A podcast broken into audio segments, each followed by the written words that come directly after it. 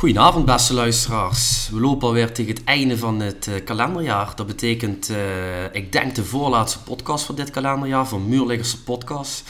Tegenover mij uiteraard vanavond aanwezig Brent Bemelen. Goedenavond. Goedenavond, Keanu. Inderdaad, de ene laatste podcast van dit jaar.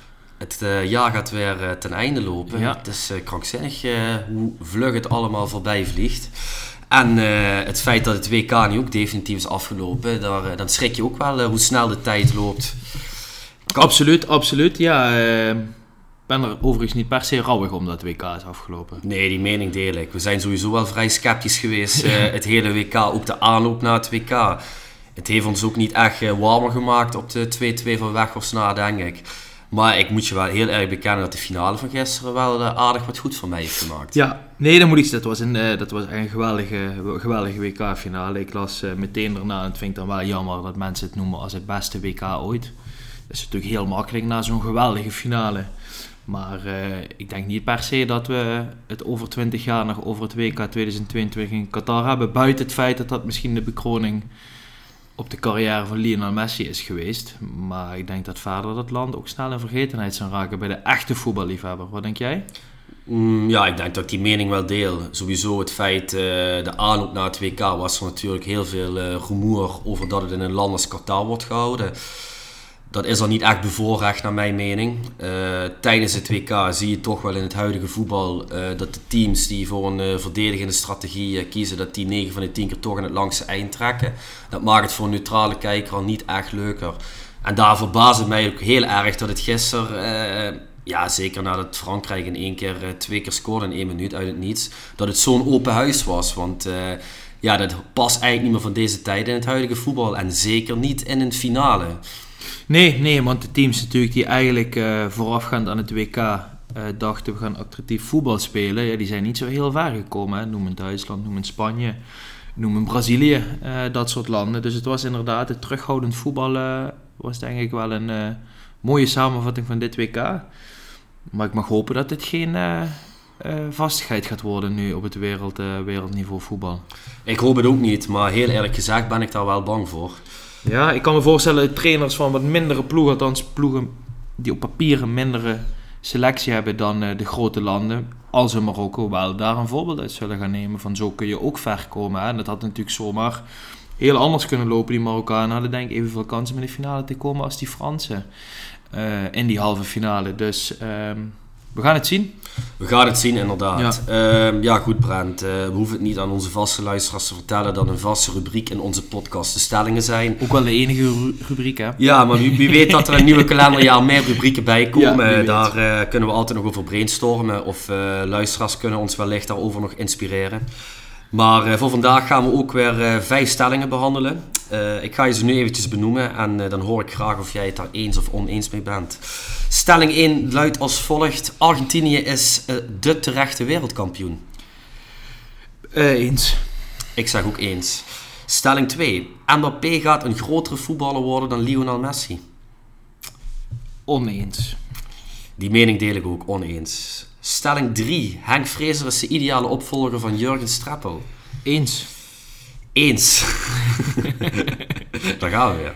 Stelling 4. Owen Wijnal is klaar om een vertrekkende Deli Blind te vervangen. Oneens. Ja, Brand, het spijt me, maar ik ben het hier ook mee oneens. Oké, okay, dan gaat de laatste misschien voor veel uh, opreuring zorgen, of niet? Wie weet, want die stelling luidt als volgt. Arsenal kan zonder winterse versterkingen tot het einde meestrijden om het kampioenschap. Oneens. Ik ben het daarmee eens. Oké, nou. nou. dan hebben we toch nog sowieso een discussiepunt gevonden. Precies, dus uh, het venijn zit het in de staart als we het op voorbode moeten, uh, moeten uitspreken. Maar wie weet komen we tussentijds ook leuke uh, discussies tegen. Laten we gewoon eens bij stelling 1 beginnen. Argentinië is het terechte wereldkampioen. Ehm, ik denk anderhalve maand geleden, toen het WK nog moest beginnen, toen zei je tegen mij van Kiano, wie denk je eigenlijk wat wereldkampioen gaat worden? En toen zei ik Argentinië. En toen mhm. zei jij, ik ook. Toen begon het WK. En eigenlijk, dat geloof, dat verzwakte heel snel bij mij. Vooral die, na die eerste wedstrijd tegen Saoedi-Arabië natuurlijk een erg matige prestatie.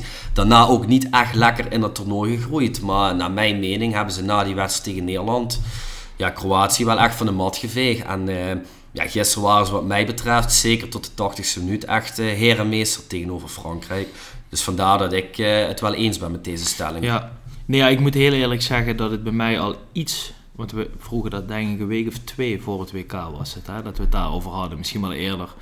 Ehm, bij het invullen van, uh, van de welbekende poeltjes uh, en ik de, de loting, de potentiële loting zag, dacht ik eigenlijk al van, dat gaat niet worden. Dus ik ben ook uh, in die pool niet gegaan voor Argentinië als, als winnaar. Um, maar ja, goed, de manier waarop en terecht of onterecht, kijk, dat is natuurlijk altijd een discussie, maar als je aan het einde met die beker in de handen staat, dat is een voetbalcliché, dan, ja, dan is het altijd terecht, toch? Uh, en uh, het enige wat ik wel nog vind, is dat ik vooral Frankrijk de eerste 80 minuten... Ik had echt het gevoel dat die niet kwamen opdagen. Uh, en dat was voor mij wel hetgene dat ik dacht van... Is Argentinië nu zo goed? Of is Frankrijk zo, zo ontiegelijk slecht? Ja, dan krijg je natuurlijk die magische anderhalve, twee minuten van Mbappé die daarmee zijn, zijn klasse laat zien. Um, en ik moet heel eerlijk zeggen, bij de penalty in de 118e minuut, uh, bij de 3-3, toen dacht ik wel, ja goed, de, hoeveel geluk gaat dat Frankrijk nog hebben? Deze titel staat ze gewoon natuurlijk op het lijf geschreven, want dit gaat je natuurlijk niet gebeuren. Maar ja, natuurlijk uh, uh, de grootste eikel van ze allemaal, denk ik, Martinez, hier dat toch weer heel beslissend is. Ehm, volgens mij sowieso nog in de allerlaatste minuut van de verlenging, waar hij die, uh, die kans van Colomouani uh, met zijn voet tegenhoudt. Hè. Ja, dit is toch wel, uh, is toch wel verrassend, omdat ik denk als je mij tien jaar geleden had gevraagd of Emmy Martinez als keeper van Arsenal ooit wereldkampioen zou worden, dan had ik hem niet eens kans gegeven dat hij überhaupt een keer de eerste keeper van Arsenal zou worden.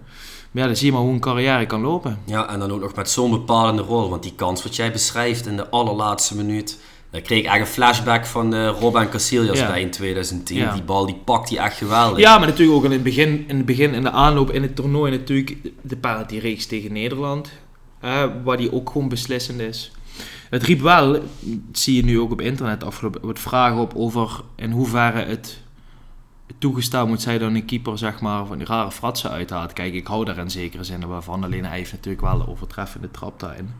Uh, maar wat vind jij daarvan? Moet een, kijk, je gaat natuurlijk... Het Nederlands elftal heeft het ook geprobeerd tegen Argentinië. Een beetje wat, wat mind games. Maar hij is natuurlijk wel echt meester in de penaltynemers uh, uit concentratie halen. Vind je dat daar een regel in moet komen? Of zeg je dit hoort een beetje bij het spelletje, het moeten vooral uh, laten gaan? Ja, ik vind het wel erbij horen. Ik moet wel zeggen, ik had uh, ja, echt eerlijk gezegd heel veel respect voor die jongen. Ehm, een beetje research gedaan hoe die jongen is opgegroeid. Echt uit een hele arme wijk opgegroeid. Hele vroege leeftijd naar Arsenal gegaan. Ja, het heeft echt heel lang geduurd voordat hij daar zijn kans heeft gekregen en zijn kans heeft gepakt. Uiteindelijk dat gedaan, FA Cup gewonnen ja, toen dacht ik wel, dat vind ik wel mooi dat zo'n jongen toch altijd blijft strijden voor zijn uiteindelijke doel. En uiteindelijk uh, eerste keeper van Arsenal tijdelijk werd, dan nu naar Aston Villa gegaan. En dan vond ik het best mooi dat ik die jongen op een WK namens zo'n groot voetballand uh, bij Argentinië onder de lat zag staan. Maar die jongen die heeft wel echt, uh, die hele sympathie wat ik voor die jongen had, die is wel echt ja, totaal verdwenen. Ja, ik schaam me bijna om te zeggen dat hij een Arsenal verleden heeft, ben ik heel eerlijk in man. En dit is ook niet uh, hoe hij zich in die periode profileerde. Maar vanaf het moment dat hij eerste keeper is geworden, in dit geval Aston Villa, natuurlijk die Copa America, waar hij mede door dit soort uh, fratsen ook heel beslissend was in een penalty reeks, hè, die, die ook nog wint. Die jongen die loopt wel echt compleet naast zijn schoenen. Maar ja, hij is wel wereldkampioen. Dus ja, nee, waar, ja. we hebben het dan natuurlijk over, hè, maar... Uh, Nee, ja, hij heeft echt compleet een pan af. Man. Ja, Zo, weet je, op voorhand zag ik ook een interview van Mbappé. Die zei van, ja goed, je merkt wel dat die landen in Europa iets verder zijn dan uh, alle voetballanden uit andere werelddelen. Omdat het Europese voetbal gewoon wat hoger staat aangeschreven.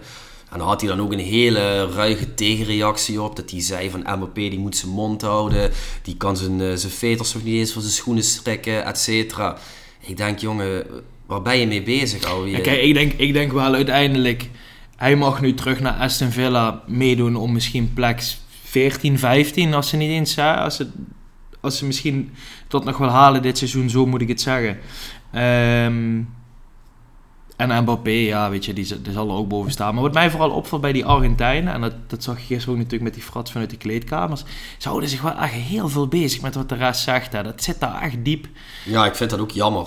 Want uh, kijk ook bijvoorbeeld als ik naar zo'n Di Maria kijk, dat, dat vind ik wel echt een voetballer. Ik heb gewoon echt respect voor die carrière. Toch altijd in de schaduw staan van grote spelers. Staat er altijd in een belangrijke wedstrijd. Dat gisteren ook al beste man op het veld dat ja. hij eraf had gehaald. En ik gun hem ook gewoon echt dat doelpunt en uh, het einde van zijn interland carrière dat hij dat uh, met een bepaalde glans kan afsluiten. Maar dat gedrag van die Argentijnen, ja, dat, dat, vind ik wel gewoon jammer om te zien. En uh, eerlijk gezegd ook heel moeilijk om naar te kijken. Want naar mijn gevoel is het totaal onnodig om je zo achterlijk te gedragen. En vooral zo provocerend structureel. Het begon gisteren volgens mij al in de tweede minuut dat de Paul uh, vervelend ging doen bij een inworp of zo. Dat ik dacht, jezus man, nou, weet je. En dan, wat ik dan jammer vind, hè, en ik heb me daar best wel aan gestoord gisteren. Uh, een scheidsrechter die dan niet meteen durft in te grijpen. Maar vond je de scheids... Uh... Nee, ik vond hem niet, niet bepalend. Ik, er zaten wel momenten tussen dat ik dacht van... Jezus Christus, wat moet hier gebeuren voordat er een gele kaart valt? Maar uiteindelijk had hij de wedstrijd wel in toom, snap je? Dus niet uit de hand gelopen à la Nederland-Argentinië, laat ik het zo zeggen. Uh, um, dat niet. Ik vond het wel apart. Ik had nog nooit van die gast gehoord dat hij meteen de WK-finale mag fluiten. Ik had meer het idee dat het voor het affiche was met die ziek is geweest. En het ziet er mhm. mooi uit en leuk uit, weet je. Uh, petje af hoor, daar niet van. Maar ik had echt nog nooit van die knakker gehoord. Nee, ja, ik, uh, ja, ik, ik, heb hem wel eens uh, toevallig zien fluiten. Maar dat het echt een hele hoge naam uh, is in de arbitragewereld, dat, dat, dat wist ik ook niet. Dus mij verbaasde het ook wel dat hij die WK-finale toegewezen kreeg. Maar ik vond dat hij een goede wedstrijd vloot. Ja, alleen die eerste penalty, dat is dan toch wel weer een discutabel punt. Je kan hem geven, maar ja, dat is toch een keuze. Ik moet heel eerlijk zeggen, toen ik het in een flits van een seconde zag, dacht ik ook meteen 100% strafschop. Maar ja, als je dan toch die herhalingen gaat kijken, ja, dat vind ik dan toch wat discutabel. Maar ja, het tekent ook wel het toernooi van Argentinië, dat natuurlijk geen enkele arbitrale beslissing tegen hun heeft gezeten. Nee, nee precies. Want je zou natuurlijk hetzelfde kunnen zeggen over de penalty die uh, Dumfries tegenkrijgt. Kan je ook geven, maar je ook, ook geven. discutabel. Ja, ja, precies. Maar ik denk dat dat wel een soort verandering is van uh, de voetbal... Uh, um, de, fase van het voetbal waar we in balans zijn. Want een VAR kan dit eigenlijk niet terugdraaien. Want als je de regels erop naleeft, dan is dit een overtreding. Uh, kijk, het feit dat iedere voetballer zich tegenwoordig bij ook maar een aanraking met een vinger laat vallen in de 16. Ja, dat, ja, dat is misschien meer uh, misselijk, zeg maar. Maar scheids fluit in principe volgens de regels terecht. Alleen ja, ik denk ook wel, hè, dan kunnen we natuurlijk, het ligt denk ik bij veel mensen gevoelig. En, en uh, ik gun het die Argentijnen ook totaal niet. Hè. Daar heb ik, dat heb ik echt niet onder stoel of bank ook geschoven. Maar dit heb je wel nodig om wereldkampioen te worden. Dat dit soort beslissingen jou kan opvallen. Uh, en laten we vooropstellen.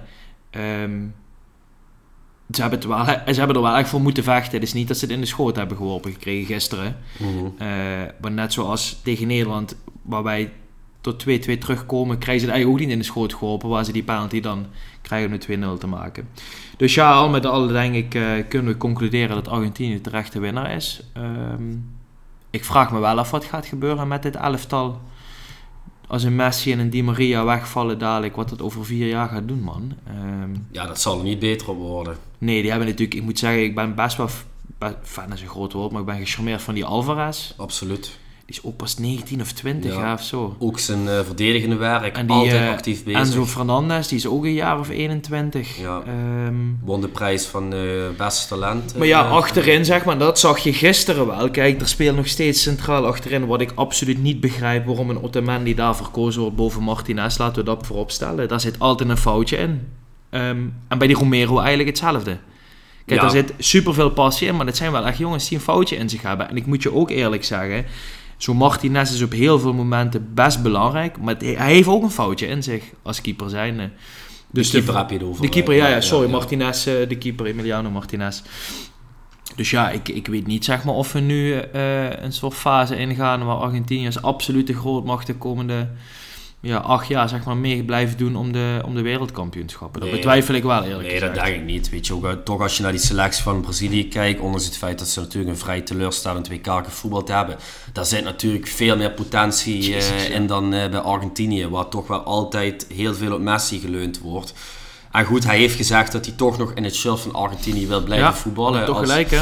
Maar dat het wel zijn laatste WK Ja, was. klopt, dus, ja. eh, het zal, dus we hadden misschien een beetje beide gelijk. Nee, maar eh, hij wil eh, sowieso nog een Copa America gaan voetballen. Dus eh, de komende twee jaar zullen ze nog wel op Messi leunen het elftal. Maar daarna krijgen die denk ik ook wel een grote terugval. Maar goed, ik moet zeggen, zoals gisteren, ja, je, je controleert de wedstrijd als Argentinië zijn de 80 minuten lang. Er is geen vuiltje aan de lucht. Frankrijk geen kansen gecreëerd, kon niet eens drie ballen elkaar passen. Onbegrijpelijk als er zoveel kwaliteit op het veld staat. Oh, daar vond ik een aantal jongens echt dramatisch. Echt Die dramatisch. Dembélé, die was... Ja. Die, die eerste paas die hij doet, die speelt hij bij die voeten dan in de voeten van een Argentijn. Griezmann, ieder paasje terug was in de ja, voeten die van een kwam er totaal Argentijn. niet in voor. Dat deed die Argentijnen wel goed om die Griezmann helemaal vast Ja. te zetten. Ja, die Dembele ook bij die eerste Christus. penalty. Boah, dat is dan zo... Kijk, het is misschien discutabel, die overtreding, maar het is zo roekeloos. Hè. Je geeft de scheids gewoon echt een hele grote kans om op dat fluitje Zijn te dan, blazen. zijn- zie je dan toch de menselijkheid en zenuwen en dat soort dingen? Want ik, wat, ik, wat, wat mij opviel was... Die Argentijnen waren fully focused bij volkslied en het veld oplopen. En Griezmann en Mbappé kwamen toch een beetje met een lach het veld opgelopen. Die leken en ook de heel relaxed. Zo van, been there, done that, weet je wel. eh, we voegen de tweede er wel even aan toe. Ik, ik heb het niet over onderschatting. Maar het was wel van ze af te zien wie eh, vanaf minuut 1 er stond. eh des te knapper denk ik wel dat, ze, dat Frankrijk nog terugkomt. Dat moet ik Ja, ze wel echt meegeven. En tot twee keer toe, hè. Maar je zou, ja, wat ik dus echt dacht, want er hing toch wel een bepaalde vloek over Messi, dat het maar nooit zou lukken om wereldkampioen met Argentinië te worden. En ik dacht toen die Mbappé opeens twee goalen in een minuut maakt, ik denk van, oh, dat gaat nu echt bij die Messi wegglippen. Die laatste wereldtitel. die, ja, maar dat was hij ook maat. hè. Die 2-2 was, die, was hij schuld. Le- leed hij balverlies en, En- daarna was hij het even kwijt. Helemaal kwijt. Maar eh, toen hij die, eh, die kans zelf creëerde, die bal wat Loris in de die laatste minuut midden toen voelde hij het weer. Ja. En eh, ja, ik vond het wel bewonderingswaardig dat Argentinië ondanks zo'n grote tegenslag toch in die volledige concentratie bleef. Op zoek bleef gaan naar die 3-2, die viel ook. Wordt het dan toch weer 3-3 en dan toch weer die concentratie vinden om die penaltyreeks zo goed in te gaan. Ja, dan ben je wat mij betreft wel eh, de terechte winnaar. Ja. Achteraf gezien is het natuurlijk wel makkelijk en zijn ze er niks meer opgeschoten. Maar ik denk wel oprecht een grote verandering voor Frankrijk in het spelbeeld was wel die wissel voor rust. Ja. En ik vond, ik vond die Colomouani vond ik echt positief opvallen, man. In Ja. ieder geval, ik weet niet of hij die Giroud eruit had moeten halen. Ik snapte het wel op basis van snelheid. Eh, maar die Colomouani, zoals die gisteren voetballen, die had eigenlijk gewoon moeten beginnen achteraf gezien. Vond ik Ja, eigenlijk wel positief, Ik man. vond wel als je het echt goed gaat analyseren, kijk, die, die dubbele wissel die viel in de 40 minuut plaats. Die laatste vijf minuten van de eerste helft hebben ze ook niks laten zien. Nee, ja. En die, in die tweede helft, van minuut 45 tot minuut 79, ook nul gecreëerd. Nee, maar Dus- eigenlijk vanaf de fase dat die 2-1 viel, waren dat wel de gevaarlijkste mensen. Ja, Die toen die- snap je, toen kwam die, die omdat klik. Argentinië het ook een beetje kwijt was. Ja, maar, maar je moest vond- wel ja, echt hopen ja. op een bevlieging van Mbappé. Want ik, daarom had ik Giroud ook wel laten staan. Dat ik toch denk van, dan kan je toch ook wel zijn bal erin. bal naar voren, Precies, en dat kon nu niet. Het moest nu echt van Mbappé komen. Ja, en dat ja, dat gebeurde dan uiteindelijk ook. En, Jezus, eh, ja, die ja, 2-2, ja, wat een goal gek. Ja, ik zeg je eerlijk, hij schiet er fantastisch in. Ik van de keeper. vond hem niet onhoudbaar. Nee, maar menig speler, en dat denk ik, menig speler neemt aan en sprint Ja, nog 2 meter. ja. En dat is waar de keeper zich op verkijkt. Daarom zit hij er eigenlijk net Ja, naast. klopt. Dus klopt. ja, maar goed, ik denk dat het wel genoeg is over de finale. Ja, het, het sprookje is voor de vele mensen waar geworden. Ik moet zeggen, ik was denk ik een van de... Ja, in Nederland denk ik wat meer mensen, maar ik was wel een van de, van de weinigen denk ik op de wereld die het, eh, die het prima had gevonden als Messi. eh, eh, met alle trofeeën die heeft hij gewonnen, deze er niet aan naartoe gevoegd. Ehm, maar goed, ja, dit is natuurlijk wel... eh, Jij had er Ja. meer plezier in gehad als je gisteren een huilende Messi zag dat het weer mis was. Een huilende gelopen. Messi van verdriet in Ja, plaats van ja, geluk. Daar had ik, eh, ja. daar had ik, had ik veel plezier van. Meteen doe ik niks aan van die jongens in carrière, maar ik heb het gewoon altijd, eh, net zoals de titel van onze laatste podcast, een kwalletje gevonden. Ja, dat was jouw Eh. idee om die titel te, te, te- erin te gooien, inderdaad. Ja, Maar goed, laten we doorgaan naar de volgende stelling. ja zeker. eh, want ja, goed, we hebben natuurlijk een, eh, een tijdje geleden hebben een stelling gehad. eh, wie gaat groter worden in de nieuwe generatie? Wordt dat Kylian Mbappé of Erling Haaland?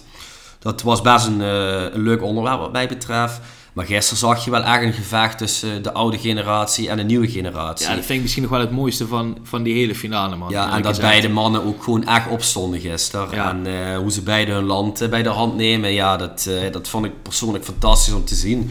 Zijn stelling luidt dan ook als volgt. Mbappé gaat een grotere voetballer worden dan Messi. Nou ja, dat ik oneens zei, dat lag misschien wel in de lijn de verwachting. Bij jou vroeg ik me af wat je daarop ging antwoorden. Ja. Waarom oneens? Ja, kijk, eh, laten we vooropstellen dat, dat wat Messi gedaan heeft, ja, daar, daar gaat misschien eh 50 jaar overheen wel nog een keer zo iemand, eh, zo iemand opstaan. Ehm, en ik denk het zijn andere type spelers. Ehm, ja, ik weet niet man. Ik ja, ik denk, ik denk gewoon, wil Mbappé dat misschien nog gaan evenaren of in de buurt komen, denk ik wel oprecht. Dat hij snel moet moven bij, bij Paris. Want ik zie Paris niet per se eh, eh, dit jaar de Champions League winnen en ook volgend jaar niet. Ik denk, eigenlijk had hij daarvoor al naar Real Madrid moeten gaan. Ja. Denk ik eerlijk gezegd, ik denk dat dat hem in de weg gaat staan. Hij is natuurlijk nog steeds rete jongen, laten we vooropstellen. 23 jaar, hat scoren in de WK-finale. En volgens mij de jongste speler ooit om twee WK-finales achter elkaar te scoren. Hè? Eh, topscorer worden van dit WK met 23 jaar. Ja, de wereld ligt natuurlijk aan zijn voeten. Maar ik ben er wel van overtuigd dat hij ergens een stap gaat moeten maken, denk ik, naar een grotere competitie. Om misschien ook wat meer wereldse erkenning te krijgen. Want er heerst toch wel altijd een bepaald sentiment over het Frankrijk van, ja goed, zij worden nog met de C1 kampioen, eh, Ja. Paris. Ehm, Ja, dus de Champions League lukt het nooit. en de. Champions League lukt het nooit op het grote. En dan wil ik niet zeggen dat dat aan, aan, aan Mbappé ligt. eh, want ik heb wel het gevoel dat hij daar echt de man is. Meer dan een Neymar. eh, en veel meer dan een Messi, met alle respect. Ehm, maar ik denk dat dat, dat dat wel echt een volgende stap voor hem moet gaan zijn. Ja, en ik denk ook dat hij dan wel echt eh, daar eh, heel goed over moet nadenken wat die volgende stap gaat worden. Want wat ik wel bij hem heb, natuurlijk, fantastische voetballer, het, talent spat er vanaf. Maar ik heb wel bij hem het gevoel dat hij toch altijd wel wat ruimte nodig heeft om datgene te leveren wat mensen ook van hem verwachten. Ik denk als hij bij een City eh, gaat voetballen en je speelt iedere week tegen een tegenstander die met 10 man om de 16 heen hangt, Nee. dat dat echt totaal niet voor je hem weggelegd is. Je ziet natuurlijk gisteren in zekere zin, ja, vielen er wel rond de 80 minuten mede vanwege het feit dat ik vond dat de trainer van Argentinië veel te laat ging wisselen. Viel er veel meer ruimte achterin. Hè? Maar als hij ook maar een centimeter krijgt, dan is hij er doorheen. Hè? Want hij is, en dat is wel denk ik een beetje de definitie van een goede voetballer. En dat had Messi ook altijd. Maar zo'n bal, als een dribbel aangaat en er komt ergens een, een, een tiki-taka moment tussen verdediger, hij valt altijd voor zijn voeten. Hè? Op een of andere manier hebben die een aantrekkingskracht naar die bal. Het valt altijd goed. En of hij nou met zijn scheen mee, met zijn oorlel of met zijn neus raakt, het wordt altijd gevaarlijk. En dat heeft hij wel echt aan zich. Maar ik ben wel van mening, die korte draaicirkel die, die Messi heeft, waardoor hij zich in de benauwdste ruimte weg kan draaien, dat, dat heeft Mbappé niet. Maar die explosiviteit, jongen. Ja, zeker. Ik denk daarom dat zo'n Real normaal. Madrid ideaal voor hem is. Weet je, die spelen toch vaker eh, wat meer op de omschakeling in plaats van een City wat altijd de bal wil hebben. Dat spel dat moet hij echt gaan eh, vervolgen in zijn En ik, ik denk dan ook wel dat we eigenlijk vanaf dat moment pas kunnen gaan discussiëren over wie groter gaat worden. Ik meen dat wij de vorige keer allebei toch wel een beetje neigden dat wij Haaland een wat completere speler vonden op dit moment, omdat hij het wel ook op dit niveau liet zien. Hè? Maar als je natuurlijk dat zoals gisteren ziet, dan denk je wel van, jezus man, dit in een Real Madrid voorhoede. Ja, nee, fenomenaal. Weet je, ook eh, die penalty-reeks. eh, dan, dan Drie schiet- keer een penalty Ja, dan ook, schiet hij al twee keer die penalty in dezelfde hoek. En dan pakt hij ook weer voor de eerste strafschop pakt hij die bal. Ja, dan voel je dat de hele wereld aan het toekijken is. En dan schiet je hem gewoon weer in die hoek. Onhaalbaar. Die Martinez ging maar naar de goede hoek. Maar Ja. gewoon zo hard en zo zuiver dat hij toch net niet bij die bal kan. Ik zei gisteren nog tegen, tegen Jente, eh, die was mee in het kijken, en die zei van, oh, had de keeper hem bij? En ik zeg, nou, dit is dus de definitie van een goede penalty. Want als je hem inderdaad niet met volle overtuiging schiet, houdt de keeper hem. Maar dit soort penalties zijn gewoon onhoudbaar. Ja. Ongeacht of de keeper in de hoek zit of niet. Ja, ik vind dat knap, man. En dan ook gewoon, zeg maar, met die kalmte. Want dat vind ik wel hij heeft. Hij straalt wel echt rust uit. Ja, inderdaad. Ook eh, ja, 80 minuten lang heb je niks te zeggen. En eh, hem, hij wordt gewoon totaal niet gek. En dat vind ik echt heel knap voor zo'n ja. jonge jongen. Ja. En dat, ja, dat hij dan ook zijn land bij de hand neemt, eh, geweldig. Maar goed, ik denk persoonlijk ook... ja, om de schoenen van Messi te vullen, dat gaat de komende tientallen jaren gaat dat heel lastig worden. Voor welk opkomend talent dan ook. Maar ik denk wel dat hij ehm, ja, wel de speler van een nieuwe generatie gaat worden. Waar we wel allemaal eh, naar gaan kijken de komende jaren. Met een Erling Haaland. Ik zie dan niemand echt... eh, kijk, hij gaat sowieso groter dan Neymar worden. Daar ben ik eh, wel echt van overtuigd. ja, dat denk ik ook. Dat is hij misschien al. Ehm, ja, dat is misschien wel... Ja, vind, ik- vind ik lastig eigenlijk als je het zo schetst. Maar ja, ik vind toch... Als in, vind ik best, ja, ik kan me daar best in vinden, maar Neymar is natuurlijk ook geen menselijke voetballer. Nee, klopt. Maar ja, wat, wat heeft hij dan nu echt... Weet je, natuurlijk, je, je kan zien aan alles dat die jongen fantastisch kan voetballen. Maar wat heeft hij nu echt laten zien? Ja, Dat stelt toch eigenlijk uiteindelijk altijd teleur. ja. ja mee eens. Dus ja, goed, dat gaan we met, eh, met veel interesse volgen. Denk je dat Messi eh, bij Paris blijft? Ja, lastig, lastig. Kijk, je ziet wel gewoon dat hij niet echt helemaal lekker in zijn vel zit bij dat Paris Saint-Germain. Laatste weken, voor het WK, Hij- wel. hij- Het- jawel, dit seizoen eigenlijk. Ja, hè, hij, hij voetbalt zijn. goede wedstrijden, maar wat jij net ook terecht schetst, eh, het draait bij dat Paris toch wel echt om Mbappé. Ja, 100%. Kijk, en dat Me- Messi is toch wel altijd gewend dat een, eh, een elftal zich op hem afstemt, dat er een team om hem heen wordt gebouwd. En dat is bij dat Paris natuurlijk niet. Messi zal altijd de man van Barcelona blijven. En mocht dat Barcelona een bepaalde constructie vinden, boekhoudkund, boekkundig technisch, eh, ondanks dat dat eigenlijk helemaal niet kan, maar wat ze toch altijd voor elkaar krijgen om Messi weer terug te halen, dan lijkt het mij niet ondenkbaar dat hij daar eh, misschien nog voor gaat. Maar dit seizoen zou hij sowieso wel afmaken bij eh, Paris ja, Saint-Germain. ja, dat denk ik ook. Ja, goed, eh Brent, dan eh, hebben wij heel veel eh, WK-praat gehad de afgelopen weken. Maar dan, ehm, ja, dan zitten we nu toch op een punt dat we daar misschien een punt achter moeten Ja, zetten. graag denk ik ook. Graag, ja. Je- ja. Je wilt niks meer kwijt erover. Het is goed geweest. Voor mij is het goed geweest. Nou, waarvan akte? Dan gaan we door naar stelling 3. naar een fantastisch bruggetje. Toevallig hadden wij namelijk vorige week een stelling. Als Roda in januari geen versterkingen haalt, dan lopen ze de play-off mis. Het eerste antwoord van Brent Bemelen was als volgt. Kianu, luister. Ik denk dat Roda maar één transfer nodig heeft in januari. En dat is de trainer. En nog geen 48 uur later kwam de berichtgeving vanuit Jurgen heeft geluisterd. Ja, ik denk dat Jurgen naar ons geluisterd heeft. Want Jurgen Streppel gaat Helmond Sport boven Roda JC verkiezen. En dan niet als trainer zijn, maar als technisch directeur.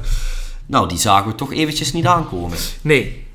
Nee, die zagen we in zekere zin zo niet aankomen dat ik gewoon pas acht uur na het bericht, acht uur later na het bericht, erachter kwam dat Jurgen Streppel ontslag had genomen bij Roda. Ik Dat had er gewoon laat, ja. compleet, eh, compleet overheen gelezen, omdat ik dacht van ja, weet je, weer zo'n nutteloos bericht van Roda. Ik dacht, ik zei ook tegen jou, er komt weer een post met de visie van Jurgen voor, eh, voor de wedstrijd tegen PEC. en, eh, en ik appte jou denk ik om een uur of zes. Of misschien ietsje eerder. Ik zeg, pik, is die Jurgen Strapper waar ik bij Roda af had? ja, is natuurlijk zeer lachwekkend als je wekelijks een voetbalpodcast maakt. Maar ja, ook dat kan gebeuren, luisteraar. Maar in ieder geval... ehm, ja, ik, ik ben er niet rouwig om, eerlijk gezegd. Nee, ja, goed. ehm, kijk, ik, ik vind wel... ehm, kijk, het is natuurlijk jarenlang heel onrustig geweest bij Roda. De sportieve prestaties die zijn absoluut niet naar wens de afgelopen jaren. Daar ben ik ook volkomen mee eens. Maar ik vind het wel een fijn gevoel dat het bestuurlijk de laatste jaren toch wat rustiger is. Ja, Joris Peters komt dan als algemeen directeur aan bij Roda zonder ervaring. Maar door zijn eh, netwerk wat hij zijn spelersloopbaan heeft opgebouwd, waaronder met Jurgen Streppel, is hij dan binnen bij Roda kunnen komen. Ja, die wordt nu toch eh, voor een bepa- bepaalde positie gezet dat hij in een maand tijd op zoek moet gaan naar een trainer, naar een technisch directeur. Hij zal nu waarschijnlijk ook verantwoordelijk eh, worden gehouden voor eventuele spelers die binnen moeten komen.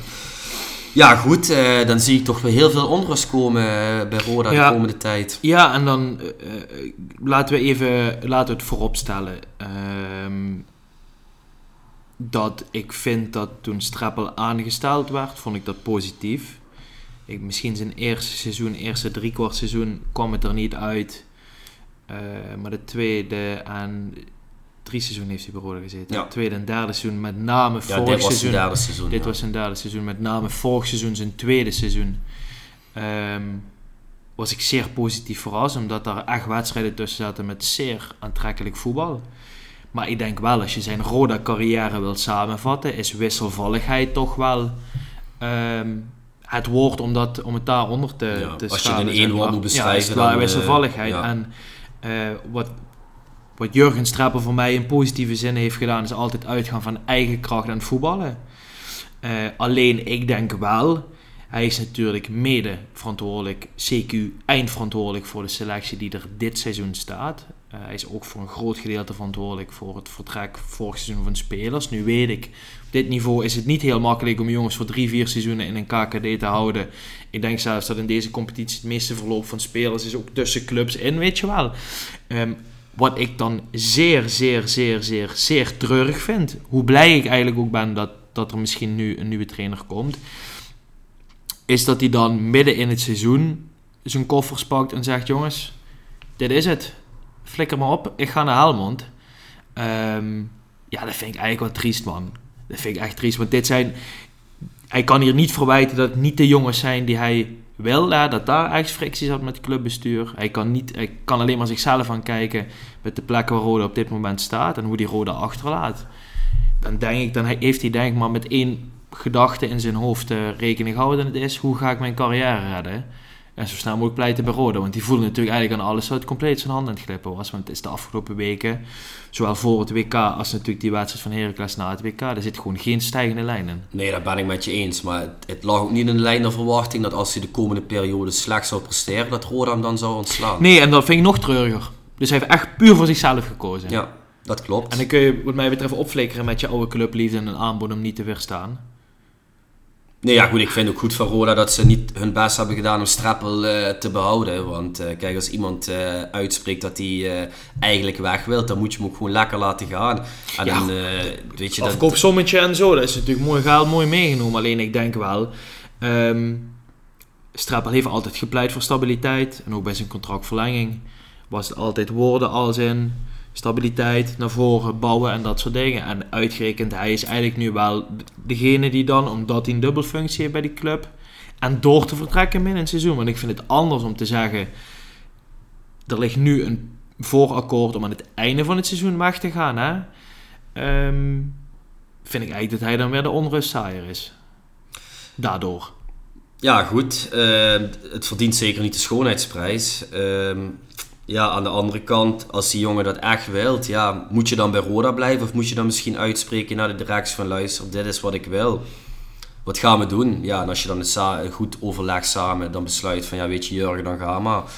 Ja goed, dan, uh, dan moet je misschien ook laten gaan. Maar dat het de schoonheidsprijs verdient, nee, absoluut niet. Maar ik denk wel, als uh, Jordan Peters en consorten deze hectische periode overleven dat het wel positief kan uitpakken voor Roda. Ja, ik denk wel, ik denk wel oprecht qua... Qua... Uh, ja, de schoen was ja, wel een beetje uit, toch? Dus ja, weet je, ik, ik, ja, ik kan nu wel zeggen, het kan alleen maar beter worden, maar het, ook, ook dat hebben we afgelopen seizoenen vaak genoeg gezien dat dat niet kan. Dus het is echt afhankelijk van de nieuwe aanstelling. Ik ben er wel van overtuigd dat, dat er best wel wat markt is nu op dit niveau we hebben natuurlijk de discussie voor het WK gehad. Wie moet dan, als Schreuder weg gaat, de nieuwe trainer van Ajax worden? Ik denk voor dit niveau liggen er best wel wat jongens nu die vrij zijn gekomen. Hè? Klopt, ja, om daar even op in te haken. Want de stelling had ik nog niet benoemd uh, toen we aan dit onderwerp begonnen. De stelling was als volgt. Henk Vrezer is de ideale opvolger van Jurgen Streppel. Voor degenen die het niet gevolgd hebben op dezelfde dag, of volgens mij zat er toch een dag tussen. Ja, een dag ervoor volgens mij, hè? Een dag ervoor? Ja, ja een dag of twee misschien wel ervoor. Oh, oké, dan ben ik fout geïnformeerd. Maar goed, uh, maakt niet uit. Maar uh, Henk Vrezer is uh, per direct opgestapt bij FC Utrecht na een incident op de training met Amin Younes. Grensoverschrijdend gedrag noemen we dat dan in 2022. Younes die toch wel bekend stond als een, een misselijke vent om in je spelersgroep te hebben die, uh, ja, die gooide een uitspraak eruit wat volgens Henk Vrezer niet door de beugel kan. Hij heeft gereageerd met zijn handen en Younes bij de keer gepakt. Later, toen hij ter bezinning kwam, uh, zag hij zelf ook in van oké, dit kan niet, hier herken ik mezelf niet in. Dus uh, Utrecht, we zetten er een punt achter. Dus Henk Vrezer is weg bij Utrecht. En de stelling luidt dus ook als volgt. Henk Vrezer is de ideale opvolger van Jurgen Streppel. Ja, dat zou wat mij betreft de droomkandidaat zijn. Ja, dat als je het over een droomkandidaat kunt hebben, dan is dat het wel voor mij ook, man. Ja. En niet puur zeg vanwege zijn rode verleden, dat is eigenlijk mooi meegenomen, maar dat is zo lang geleden. Dus kan me niet enig, kan me niet per se voorstellen dat er nog sentiment ligt, maar ik heb altijd wel respect gehad voor de carrière van Henk Vrezer, met name zijn, uh, zijn Sparta-jaren. En ik denk, je wordt niet zomaar assistent-trainer bij Nederlands elftal. En je mag ook niet zomaar een zeg maar, top 6 ploeg uh, in Nederland uh, gaan coachen als in Utrecht. Dat dat achteraf gezien niet een heel fijn huwelijk is geweest, dat, dat blijkt. Maar ja, ja ik, ik denk wel dat dat wat kan zijn waar ik denk ook veel jongens in de selectie zeer veel respect voor hebben. En ik heb wel het idee gehad de afgelopen seizoenen dat respect voor Jurgen Streppel, dat er toch echt wel wat jongens rondliepen die dachten... Wat kom jij me vertellen, knakker, weet je wel? maar natuurlijk, we weten niet hoe het in de kleedkamer toe gaat, maar de verhalen die je hoort en incidenten die er met spelers zijn geweest. Maar de vraag is natuurlijk, is het realistisch? Dat is inderdaad de vraag. Ehm, ja goed, ik heb ook heel veel respect voor Henk Vrezer. Uh, begonnen bij, bij ADO Den Haag als trainer, als interim trainer. Een moeilijke ADO Den Haag op dat moment, die heeft hij uh, keurig erin gehouden. Uh, na twee goede jaren bij ADO Den Haag ging hij naar Vitesse, dan wint hij de beker. Vitesse had nog nooit een prijs in hun leven gewonnen. Ging Europees voetbal spelen met Vitesse. En uh, ik had toen echt verwacht, want uh, Feyenoord zat op dat moment zonder trainer, dat hij de nieuwe trainer van Feyenoord zou ja, worden. Klopt, Altijd ja. natuurlijk groot ja. Feyenoord-fan geweest. Hun kozen toen voor advocaat. Je weet, als je voor advocaat kiest, dan kies je voor een tijdelijke oplossing in plaats van een lange termijn oplossing. Dus dat verbaasde mij wel. En wat ik toen zo mooi vind aan hem, is dat hij zich op dat moment niet te groot voelde om dan in de keukenkampioen-divisie bij Sparta trainer precies, te worden. Precies dat. En je weet hoe moeilijk het is om bij een grote club in een keukenkampioen-divisie te zijn. Uh, de verwachtingen zijn altijd heel hoog, maar het spelersmateriaal dat valt meestal toch tegen. Dus dat ligt dan nooit echt lekker, maar toch heeft hij kunnen bewerkstelligen dat hij met Sparta ging promoveren. Daarna ook Sparta keurig erin gehouden ja. in de Eredivisie. Dus uh, ik heb echt onwijs veel respect voor, uh, voor de trainer Henk Vrezer. Uh, jij vraagt, is het realistisch? Die vraag stel ik mezelf ook ja. natuurlijk. Ik moet wel zeggen, ik zag vandaag een interview met Roland Waterreus. Ik weet niet of je dat gelezen hebt. Nee. nee. Die heeft samen met Henk Vrezer bij Roda gevoetbald. En ja, die heeft gezegd dat Henk Vrezer altijd tegen hem heeft gezegd dat hij ervan droomt om nog eens jarenlang in Zuid-Limburg te wonen. Dat vindt hij by far de fijnste provincie wat er is. Heeft een geweldige tijd bij Roda gehad. Dus volgens Ronald, volgens Ronald Waterreus uh, zei die, die zei echt van luister 1 plus 1 is 2. Als ik Roda was, ik zou niet lang nadenken. Meteen Henk Vrezer bellen, want ik weet zeker dat Henk daarop gaat instappen. Nu uh, vind ik dat Ronald Waterreus niet vaak heel veel zinnige dingen zegt, maar ik, ik kan me hierin vinden. nee, ja, ik denk gewoon, ik denk oprecht waar dit op af kan ketsen, is ook wel een kwestie centen. En dat er misschien ergens bij Roda toch nog een gedachtegang rondspookt van moeten we nu iemand aanstellen die dezelfde dubbelfunctie kan vervullen. Gaan we op zoek naar een TD en een trainer of gaan we op zoek naar een TD-trainer, zeg maar, rol?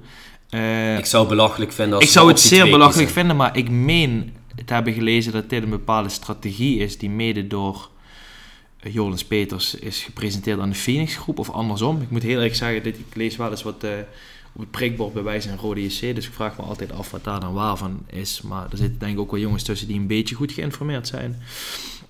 Um, ja, ik denk eerlijk gezegd, als ik in de schoenen van Jonas Peters zou zitten, zou dat ook de eerste zijn geweest die ik had gebeld of een appje had gestuurd of in ieder geval via zijn had geïnformeerd.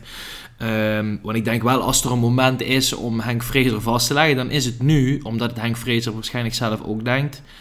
Er zullen weinig clubs zijn die me nu gaan bellen. Althans, dat kan ik me voorstellen dat hij dat in zijn achterhoofd heeft natuurlijk na het incident. Ja. Uh, alleen dan kom ik toch weer bij het vraagstuk, ja, is het financieel haalbaar? Ja, dat is bij Roda natuurlijk altijd het, uh, het discutabele punt. Maar goed, uh, je, je schetst een terecht punt. De reputatie van Henk Vrezer als trainer zijnde is natuurlijk aangetast. We leven natuurlijk in een tijd dat je op ieder woord moet letten wat je zegt. Want ja. anders beledig je iemand daar natuurlijk aan mee. Grensoverschrijdend gedrag, dat is voor mij wel het sleutelwoord uh, van 2022. Dus ja, het feit dat dat de reden is waarom hij uiteindelijk vertrekt bij Utrecht, ja, dat zullen toch veel clubs hun handen van Henk Vrezer afhouden. Misschien komt hij nog gratis. Ja, ja, goed, dat lijkt me iets te veel van het goede. Maar ja, misschien dat hij wel denkt van ja, Roda vind ik een mooie club, Zuid-Limburg vind ik een fijne provincie. Misschien moet ik ook wel nu even een stapje terug doen. Ja, goed, ik zou het te belachelijk voor woorden vinden als Joris Peters het niet gaat proberen. Nee, Nee, ik kan me eigenlijk eerlijk gezegd ook niet voorstellen dat hij het niet probeert, man. Maar um, ja, uh, stel, laten we er even van uitgaan dat, dat Henk Vrezer het, uh, het niet wordt. Hè? Um, zie jij nog andere geschikte kandidaten die nu op dit moment kunnen instappen? Ja, de eerste naam wat in mei opkwam toen ik het nieuws te horen kreeg was uh, Alfons Groenendijk. Ook een uh, Roda verleden. Ja. Niet een hele hoge pet heb ik daarvan op als trainer zijn. Maar ik moet zeggen, bij ADO Den Haag heeft hij het wel goed gedaan. Want het ADO Den Haag is echt een hele lastige club. En daar is hij toch jarenlang gebleven. Binnenboord in de Eredivisie gehouden. Um, dus ja, goed, dat is wel een optie die je mee moet nemen. En ja, daarna kom je toch in een categorie namen waar je toch uh, meer aan een Kevin Hofland en consorten moet nadenken. Ja, en daar word ik persoonlijk niet heel warm van, als ik eerlijk ben. Ja, Kevin Hofland, hè. Danny Buis, Jaap Stam, dat soort namen. Ja, hè? Alle Jaap drie. Stam, dat, dat, ja goed, dat, dat, die naam is denk ik wel te groot voor Roda, denk je niet? Ja, maar ja, wat, heeft Ja- wat is Jaap Stam dan als trainer natuurlijk? Eh, wat stelt dat dan voor? Ik, zou, ik zie het ook niet voor me, maar het zijn wel, het is wel grappig, want dat vind ik alle drie, buiten het feit dat ze kaal zijn. Alfons niet, hè? Eh, Alfons nee, nee, nee, die laatste drie, Hofland, eh, Jaap Stam en Danny Buis, Oh, ja, ja. wel vrij temperamentvolle trainers. Eh, Ja, die best wel voor een groep kunnen staan, denk ik. Alleen, dan is voor mij per se de vraag... Is dat dan wat Roda nodig heeft? Hier in, in, Zuid-Limburg wordt altijd geroepen... complementaliteit en werken voor je geld, weet je, en dat soort dingen. Dat moeten we als Roda, Roda trainer hebben. Ehm, ik denk wel uit die drie, als ik zou mogen kiezen... zou ik wel ten alle tijden voor Kevin Hofland kiezen. Al helemaal het natuurlijk geweldig is om iemand met een Fortuna verleden... dan voor die groep te hebben staan. Ehm, al heeft hij natuurlijk ook wel eh, de dingen niet meezitten na zijn eh, ontslag. Want volgens mij zit dat hier allemaal tussenin. Fraser, Hofland, Strappel. Eh, ook vrij recent bij Willem II. Wat natuurlijk ook niet per se ere doet aan zijn reputatie als trainer. Nee, en ik denk ook, Joris Peters heeft natuurlijk zijn hele carrière bij Willem II gevoetbald. Die zou vast en zeker wel een telefoontje naar Marten Vergeel plegen en vragen van luister, wat waren jullie bevindingen over Kevin Hofland? En eh, Ja. de verhalen die ik gelezen heb, is echt niemand positief over Kevin Hofland binnen Willem II. En hij heeft ook gewoon zwak gepresteerd met een hele aardige selectie. Ja, absoluut. Dus eh, Absoluut. ja, ik zou persoonlijk zou ik niet voor die optie gaan. Maar ja, weet je, ja goed, eh, we gaan het zien. Dit wordt natuurlijk weer echt zo'n typisch onderwerp waar je uren over kan blijven speculeren. Ja, we weten niet wat er binnen kamers gebeurt. Maar ehm, ja, ik zou het nogmaals echt te achterlijk voor woorden vinden als ook niet Henk Vrezer voor hun topprioriteit nummer 1 is. Nee. Nee, en dan zit je natuurlijk wel met het probleem... wie moet technisch directeur worden dan, hè? Ja, dat is natuurlijk wel echt een hele lastige functie. Om daar een capabel iemand midden in het seizoen voor te vinden. Ja goed, ik, eh, ik denk zo'n Ted van Leeuwen. Ja, dat Ja, zou voor mij echt genoemd, ja. fenomenaal zijn als je die binnen kan halen. Is natuurlijk ook dit seizoen vertrokken bij NEC. Heeft het echt bij iedere club fantastisch gedaan. Ja, weet je, ook daar, gooi dan maar gewoon eens een telefoontje uit. eh, uit eh, Ja, maar- Die man heeft ook bewezen dat hij niet per se zich te groot voor een bepaalde club Nee, voelt. maar ik denk wel, dan moet er voor dit soort jongens, en denk ik ook dat gaat doorslaggevend zijn voor een Fraser, maar ook voor zo'n Van Leeuwen. Er moet dan zekerheid zijn dat er niet per se nu, maar in ieder geval volgend seizoen geld ligt om te investeren in die selectie. Want anders zit er natuurlijk geen kans in. Nee, en, tuurlijk. en ik denk wel, er moet nu ergens geld vandaan komen. En waar, weten we niet. De Phoenix Groep heeft er allemaal zijn beweegredenen voor om er wel of niet in te investeren. En stabiliteit is daar denk ik key in. Maar je gaat nu wel eens een keer in een selectie moeten investeren. Wil je een keer daadwerkelijk meedoen voor het winnen van de play-offs. En, en, en of voor die eerste twee plekken. Ehm, want anders gaan, gaan dit soort trainers, zelfs als ze nu komen, twee seizoenen pleiten omdat er geen eh, progressie in zit. Of omdat er gewoon een mooiere kans ligt. En ik ben wel van mening, als je Henk Vrezer nu aan kunt trekken en er ligt geld en die kan volgend seizoen echt bouwen aan een selectie. eh, en je promoveert dan, zeg maar eens even hypothetisch gezien, dan heb je natuurlijk wel een mooie formule om in ieder geval ook het jaar daarna op papier zeg maar erin te blijven. Ehm, want dan is mijn laatste vraag over dit onderwerp en jou eigenlijk nog. Zou jij liever nu, zeg maar eens even gewoon een, een hypothetisch bedrag, een ton investeren in een trainer? Of liever eh, twee ton investeren in die spelersgroep in, eh, januari? Dus een trainer die het met dit materiaal moet gaan doen van het niveau Vrezer. Of toch gewoon een groene dijk er neerzetten of een naam waar we nog nooit van hebben gehoord. En dan zeggen hier ligt 250.000 euro. Haal maar vier nieuwe jongens en huur je er nog maar twee bewijzen van. Nou, mocht je een trainer van het kaliber Henk Vrezer eh, kunnen halen, dan zou ik toch voor die optie gaan. Gewoon puur door het feit, kijk, ik heb ook mijn bedenking over deze selectie. Ik vind het zeker niet top, maar ik ben er wel echt van overtuigd dat je hier meer uit kunt halen dan wat ze tot nu toe hebben laten zien. En ik geloof echt, als je een trainer als Henk Vrezer voor die groep zet, of zet, dat er echt wel een stijgende lijn in het spel en in de resultaten kunnen zitten. En weet je, je kan natuurlijk ook wel twee ton er tegenaan gooien, maar je weet, die aankoop in januari, Altijd dat lastig. vaker is het geen succes dan wel. Dus Ja. en ja, bij Henk Vrezer heb je toch een bepaalde zekerheid wat je gaat krijgen. Ja. Eh, dus ik zou daarvoor kiezen. Alleen, ja, weet je, je moet die jongens ook wel een bepaald perspectief bieden. Zeker.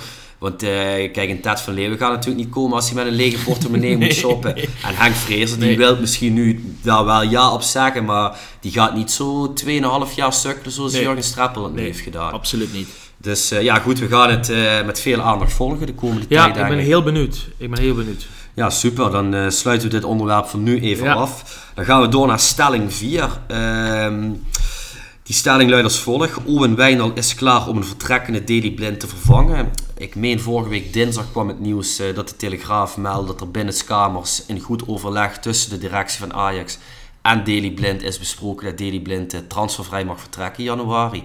Heeft nog een contract tot het einde van het seizoen. Ik heb vaker ook wel eens uh, in onze podcast heb ik wel eens uitgesproken dat ik dat gevoel ook wel heb dat hij januari weggaat.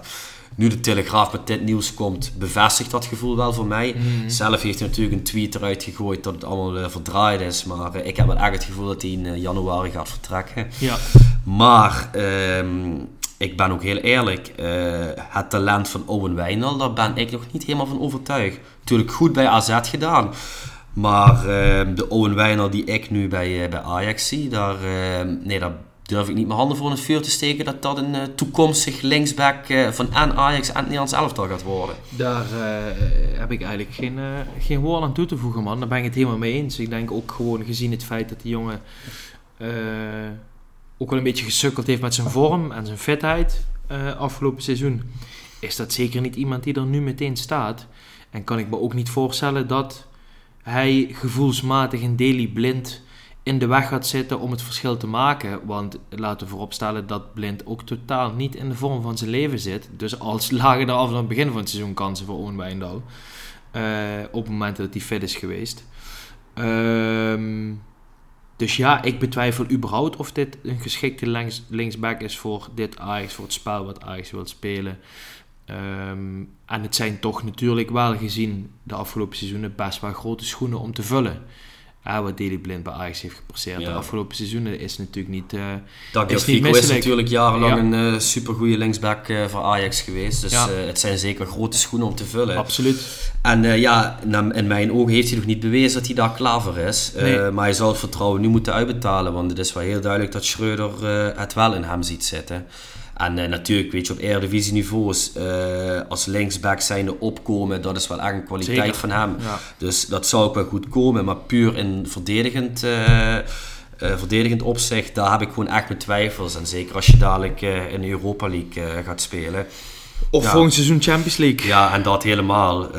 ja, goed, daar heb ik echt mijn bedenkingen bij. Ja, dus ja, ook dat gaan we zien, denk ik. Daar hoeven we daar niet al te veel nee. woorden aan vuil te maken. daar zijn we het over eens. Waar we het wellicht wat minder over eens zijn, is de laatste stelling. En dan komen we bij jouw clubje uit. Want ik zie dat de spanning weer door je lichaam giert, aangezien de Premier League weer eraan zit te komen. Arsenal kan zonder winterse versterkingen tot het einde meestrijden om het kampioenschap. Ja, ik ga even achterover zitten, Brent, want jij zei oneens. Verklaar en nader.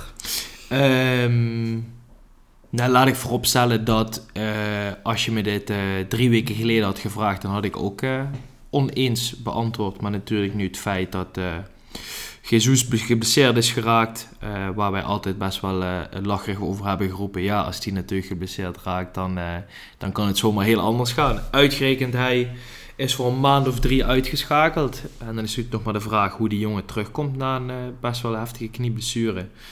Um, en ik heb vanaf het begin van het seizoen geroepen: de breedte van de selectie gaat ergens een keer zijn tol uh, uh, laten kosten. Dus er moet iets bij in januari. Uh, vooral nu op scorend vermogen. Kijk, er is in het begin van dit seizoen, eind vorig seizoen, toch wel vertrouwen uitgesproken naar Enketia. Door hem contractverlenging te geven, nummer 14 te geven. Dus hij zal ook, denk ik, gewoon een gedoodverfde tweede man zijn en hij zal zijn kansen gaan krijgen. Kan hij die schoenen vullen volgens jou? Nou, hij heeft het vorig seizoen, het einde van het seizoen, laten zien dat hij het kan. Begin dit seizoen ben ik niet per se onder de indruk van hem. Alleen, het is wel een verschil of jij in de Europa League mag voetballen met de jongens om je heen die zeg maar ook niet wekelijks voetballen en ook niet het kaliber hebben van het eerste. Of je staat op een positie zeg maar met allemaal jongens om je heen in vorm en die je misschien wel de ballen aanleveren um, die een Jesus normaal krijgt. Wat hij wel mee heeft is zijn loopvermogen en zijn pressie in zich en een beetje die onvoorspelbaarheid wat Jesus ook heeft. Alleen, ja, stel en Ket, jij heeft het niet en je moet er drie maanden mee doen. Dan zou het toch fijn zijn om iets achter de hand te hebben. Uh, en Arteta heeft in het begin van het seizoen al gezegd uh, dat we meer uh, firepower nodig hebben. Dus dat er eigenlijk nog sowieso iets bij moet komen in januari wat gewoon echt voor doelpunten kan zorgen. En mocht dat lukken, mocht je in januari inderdaad een, uh, of een spits of een uh, buitenspeler halen die doelpunten in zich heeft, mocht je een middenvelder kunnen halen. Laten we niet vergeten, we hadden op de laatste dag van de transferperiode natuurlijk een bod van 24 miljoen Douglas Louis afgekeurd zien worden. Dus die middenvelder die zal ook komen. Ja, dan ben je er, sta je er wel beter voor. Dan heb ik er in ieder geval wel meer vertrouwen in dat ze tot het einde kunnen, kunnen meestrijden. met daar wel eens grote kanttekening dat ik nog steeds ervan overtuigd ben dat Arsenal dit seizoen geen kampioen kan worden. Ja, ben je daar nog altijd zo van overtuigd? Ja, nee, ja zeker. zeker man. Kijk, het zijn vijf punten. Ehm, maar misschien moeten we het hier over een week of vijf nog eens over hebben. Wat er dan voor resultaten zijn geweest. En dan hebben we volgens mij al de eerste keer tegen City gevoetbald. Kijk, en dan, dan durf ik dat soort uitspraken te gaan doen. Maar um, dat het goed gaat laten vooropstellen. Maar nee, ik denk, niet, uh, ik denk niet dat ze tot het einde mee kunnen doen met de huidige selectie en de breedte van die selectie. Want vergis je niet, als een party gebaseerd raakt, dan is El Neni de volgende in lijn. Hè? Uh, dus ik ben eigenlijk wel zeer benieuwd waarom jij uh, het wel eens bent met de stelling. Dat ze wel tot het einde mee kunnen doen. Ja, ik moest er wel even over nadenken. kijk, het is natuurlijk echt gissen hoe die ploegen nu uit die WK-stop gaan komen. Arsenal, hele stabiele eerste seizoen zelf ook wedstrijden waar niet goed gevoetbald werd, toch de punten meegenomen. Ja, dat is toch wel uh, tekenend voor een ploeg uh, in vorm. En die tonen dan ook wel naar mijn mening aan dat het gewoon goed zit in die selectie. Uh, dus ja, ik ben er wel van overtuigd dat hun tot het einde van het seizoen mee gaan doen. Of ze het gaan worden, dat betwijfel ik. Want de punten die jij aankaart, dat klopt natuurlijk. City, die kan natuurlijk drie elftallen opstellen. Het maakt niet heel erg veel uit wie daar geblesseerd raakt. Misschien op Haaland en De Bruyne na. Uh, bij Arsenal is het toch allemaal wat kwetsbaarder. Dus mm. uh, dat klopt, dat is ook zo. Maar uh, ja, ik heb wel het gevoel dat het wel eens jullie seizoen zou kunnen worden. Het zit er in ieder geval wel in. En ja, ik ben er wel van overtuigd dat jullie tot het einde van het seizoen alles blijven geven om in ieder geval mee te blijven doen om die titel. Kijk, het kan misschien best zijn dat je dadelijk in februari of in maart de koppositie kwijtraakt. Maar dat betekent nog niet dat je definitief afgeschreven bent voor de titel. Nee, dat ben ik met je eens. En City heeft, naar mijn mening, ook nog niet aangetoond dat ze die absolute super topvorm hebben die ze de laatste jaren wel hadden. Het was vorig jaar natuurlijk ook een beetje kantje boord. Hè, toen in die laatste wedstrijd die titel nog binnen werd gehaald. Terwijl ze 10 minuten voor tijd met 2 en achter stonden tegen, ik meen, Aston Villa. Toen was Liverpool virtueel uh, kampioen. Klopt, ja. Dus uh, ja, goed. Uh, ik, uh, ik denk dat het wel echt een tweestrijd tussen jullie gaat worden. Ik zie niet meer een ploeg daaronder nog bij komen. Ja, vind, ja snap ik. Vind ik lastig. Kijk, wat we af en toe vergeten is dat... Um, ja goed, ik denk dat Liverpool wel afgeschreven is voor dit seizoen. Helemaal nu die Diaz alweer geblesseerd is. Dus dat was dat toch wel de meest gevaarlijke speler. Maar... Um, ja, ik, is van nature... Um, gezien ook het feit dat Conte daar trainer is, wil ik Spurs niet meteen uitsluiten. Die gaan absoluut geen kampioen worden, maar die zullen wel ergens mee kunnen doen. Want vergis je niet, die draaien best wel stabiel mee. Acht punten achterstand op jullie en een wedstrijd meer gespeeld. Ja, maar goed, ja. Dus nee, ja, het, het, kan zo seizoen natuurlijk, Kijk, maar nogmaals, vind ik wel een gat. Ja, zeker is dat een gat. Zeker is dat een gat. Maar goed, de wedstrijd die wij moeten inhalen is tegen City. Dus, nee, ja, goed, dus ja, um, nee, ja, kijk, ik heb wel het gevoel, maar dat, komt, dat, dat ligt vooral aan mij. Dat, ik heb niet per se het idee dat dat in de ploeg is, maar ik heb altijd het gevoel dat Arsenal een verliespartij verwijderd is van compleet inkakken. Ja, en we hebben dit seizoen al een paar keer laten blijken dat dat niet het geval is. Um, alleen dat is toch het gevoel wat er zeg maar, historisch uh, bij mij een beetje in blijft zitten. En dat uh, is denk ik ook niet meer dan terecht als je dan hebt gekeken waar ik de afgelopen seizoen naar heb moeten Zeker. kijken. Jij hebt natuurlijk uh, de, de, tijd waar jij als Arsenal-fan bent ingegroeid, dat is eigenlijk net na de gloriejaren. Dus iedere keer als jij in een seizoen hoop had, werd je dan toch altijd weer teleurgesteld. Dus ik snap op een gegeven moment blijft dat gevoel, dat, dat blijft natuurlijk in je hoofd zitten. En ondanks het feit dat jullie je heel stabiel aantonen dit seizoen, snap ik toch dat je nog altijd een beetje sceptisch blijft met bepaalde uitspraken. Er zijn natuurlijk ook pas 14 wedstrijden gespeeld. Daarom, vooral dus, dat. Uh, ja, je bent nog niet eens op de helft. Er kan nog van van alles gebeuren. Dus ik snap het heel goed allemaal. Ja, ik kan er misschien wat neutraler naar kijken, omdat ik eh, natuurlijk geen Arsenal-fan ben. Dus vandaar dat ik best denk dat, dat jullie gewoon eh, tot het eind van het seizoen mee blijven doen. Maar goed, ja, eh, ik heb ook natuurlijk vaker gezegd dat die blessuregevallen, dat kan natuurlijk wel echt eh, doorslaggevend zijn. En Gabriel Jesus, hij scoorde misschien de laatste wedstrijden niet, maar die is natuurlijk wel echt super belangrijk in het spel van Arsenal. Essentieel, essentieel Echt voor deze. essentieel ja, belang. ja. Maar ik kan me niet voorstellen dat jullie in januari niks gaan doen. Want Nee, zeker niet. zeker kijk, niet. Ja, als er ooit een moment is om te investeren in een selectie tussentijd in het seizoen, dan moet het wel nu zijn. Anders kan je dat niet Nee. verkopen naar de fans. Dit Dus, is ook alles eh, wat je leest naar buiten toe. En dit is eigenlijk een beetje... Er is best veel kritiek geweest. Een beetje hetzelfde als eh, afgelopen seizoenen. En misschien al historisch langer. Op bij de Glazers bij United. Alleen het verschil is daar dat er altijd geld is geweest. En bij Arsenal was het historisch gezien nooit geld. Wil, wilde men nooit investeren. Dat is de afgelopen seizoenen gebeurd. Eh, laten we niet doen alsof er geen geld in is gestopt. Maar wel echt met een reden. En dit ligt een beetje in de lijn van hoe de eh Cronkies dat ook hebben gedaan in Amerika. Ze zijn ook de eigenaar bijvoorbeeld van de LA Rams. Ehm, en die hebben daar eigenlijk altijd tussentijds, op het moment dat bleek dat er echt een positieve vibe rondom die clubs heerste, echt in geïnvesteerd. Zowel bij de Rams als bij, en volgens mij hebben ze ook nog een, eh, een ijshockeyploeg. Ehm, en dat gevoel heb je ook wel, want Arsenal wordt nog steeds gelinkt aan spelers. Eh, ik las deze week dat we persoonlijke, in ieder geval eh, de, de contractvoorwaarden, de persoonlijke voorwaarden met die eh Moedrik van Shakhtar, dat zou, dat zou al in ieder geval zo goed als rond zijn. Alleen de vraag is nu nog, krijg je een, een bedrag rond met Shakhtar? Want die hebben van het begin gezegd, minder dan 100 miljoen gaan we niet doen. Dat denk ik niet dat Arsenal ervoor gaat betalen. Dat Dat, zullen niet. wij niet snel doen. nee. Eh, maar goed, je leest nu dat 60 of 70 miljoen ook wel het moet zijn. Dat baart mij dan ook wel weer zorgen. Want het zijn serieuze bedragen voor een speler van 21 die in een Oekraïnse competitie goed heeft gedaan. En met vlagen zijn kwaliteit heeft laten zien in de Champions League, dat dan weer wel. Maar ik heb wel het idee dat er wat bij gaat komen. Ja, Ik denk sowieso minimaal op twee posities. Ik denk dat een middenvelder en een, en een buitenspeler, dat dat het gaat zijn. Ehm, geen Ja. Nee, ik denk nog eerder dat die Martinelli naar het midden schuift. Dan dat ze bijvoorbeeld nu voor eh Joao Felix of zo gaan, wat je dan ook wel eens Ja, hebt ja. gelezen de afgelopen Maar tijd. ook geen plan B of zo. Een, eh, gewoon een lange slungel die je erin kan brengen als je laatste 10 minuten ik las dat, hebt. dat Vlaovic weg wil bij Juve. En daar zijn wij tot heel lang natuurlijk eh, eh, vorig seizoen in de... Was dat ook in de winter? Volgens mij, ja. Ook in de winter, in de winter ja, Juventus aan, gegaan. aan ja. gelinkt geweest.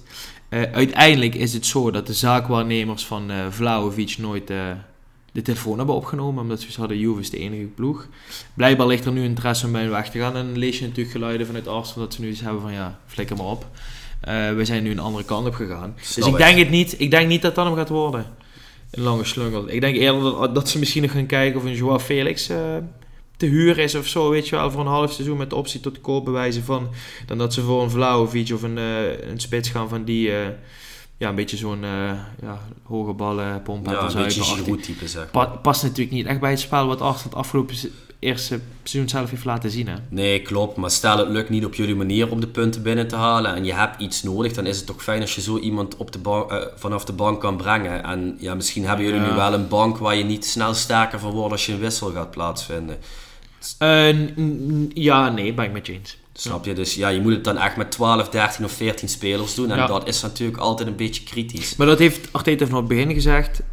Zijn ideaalbeeld is 24 spelers die alle 24 het idee hebben dat ze van belang zijn. En dat is wat ik bewonderenswaardig vind aan Pep en City. En zeker spelen salarissen daar een rol.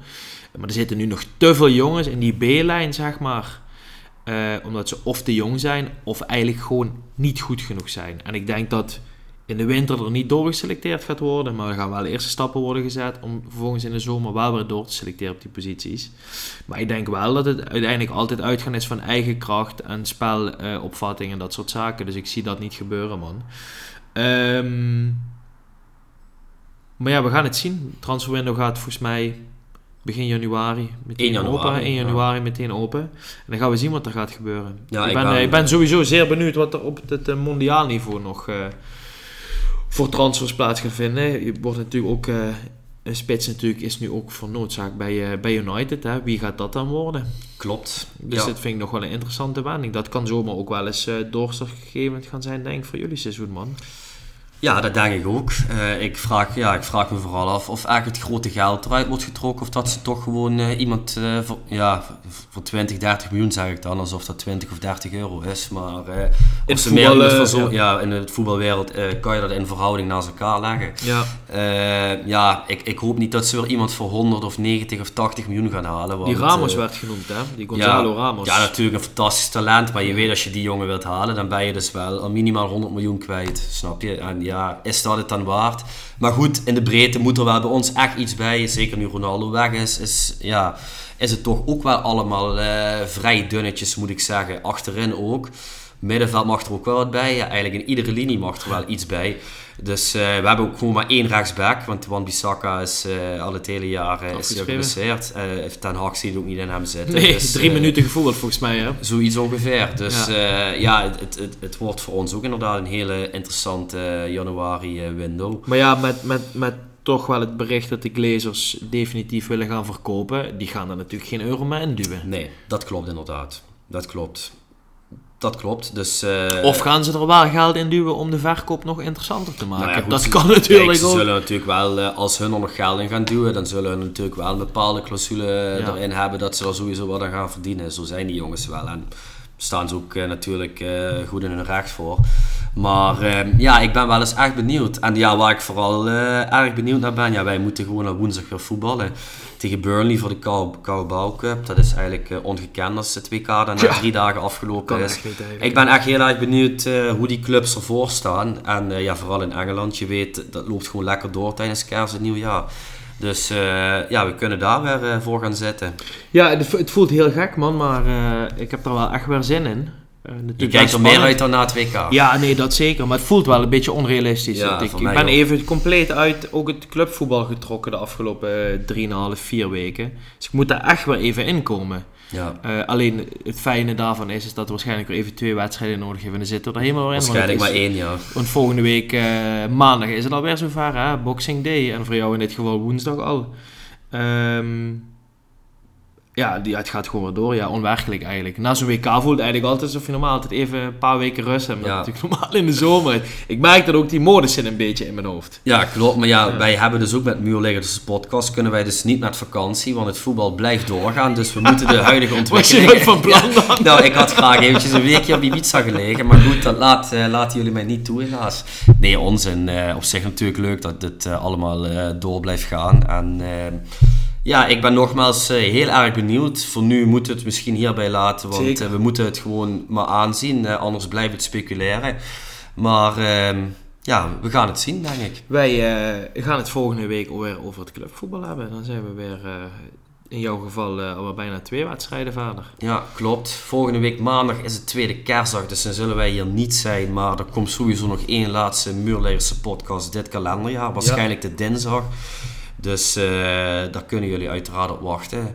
Verder eh, danken wij jullie voor het luisteren van deze uitzending. En uiteraard eh, hele fijne kerstdagen toegewenst. Namens mij en ook namens jou, denk ik, hè, Brent. Absoluut, het allerbeste. Ja, dat, eh, dat is duidelijk. En ehm, geniet ervan. Drink er één op ons. En eh, dan zien we jullie graag weer volgende week. Tot eh, volgende week. Fijne avond.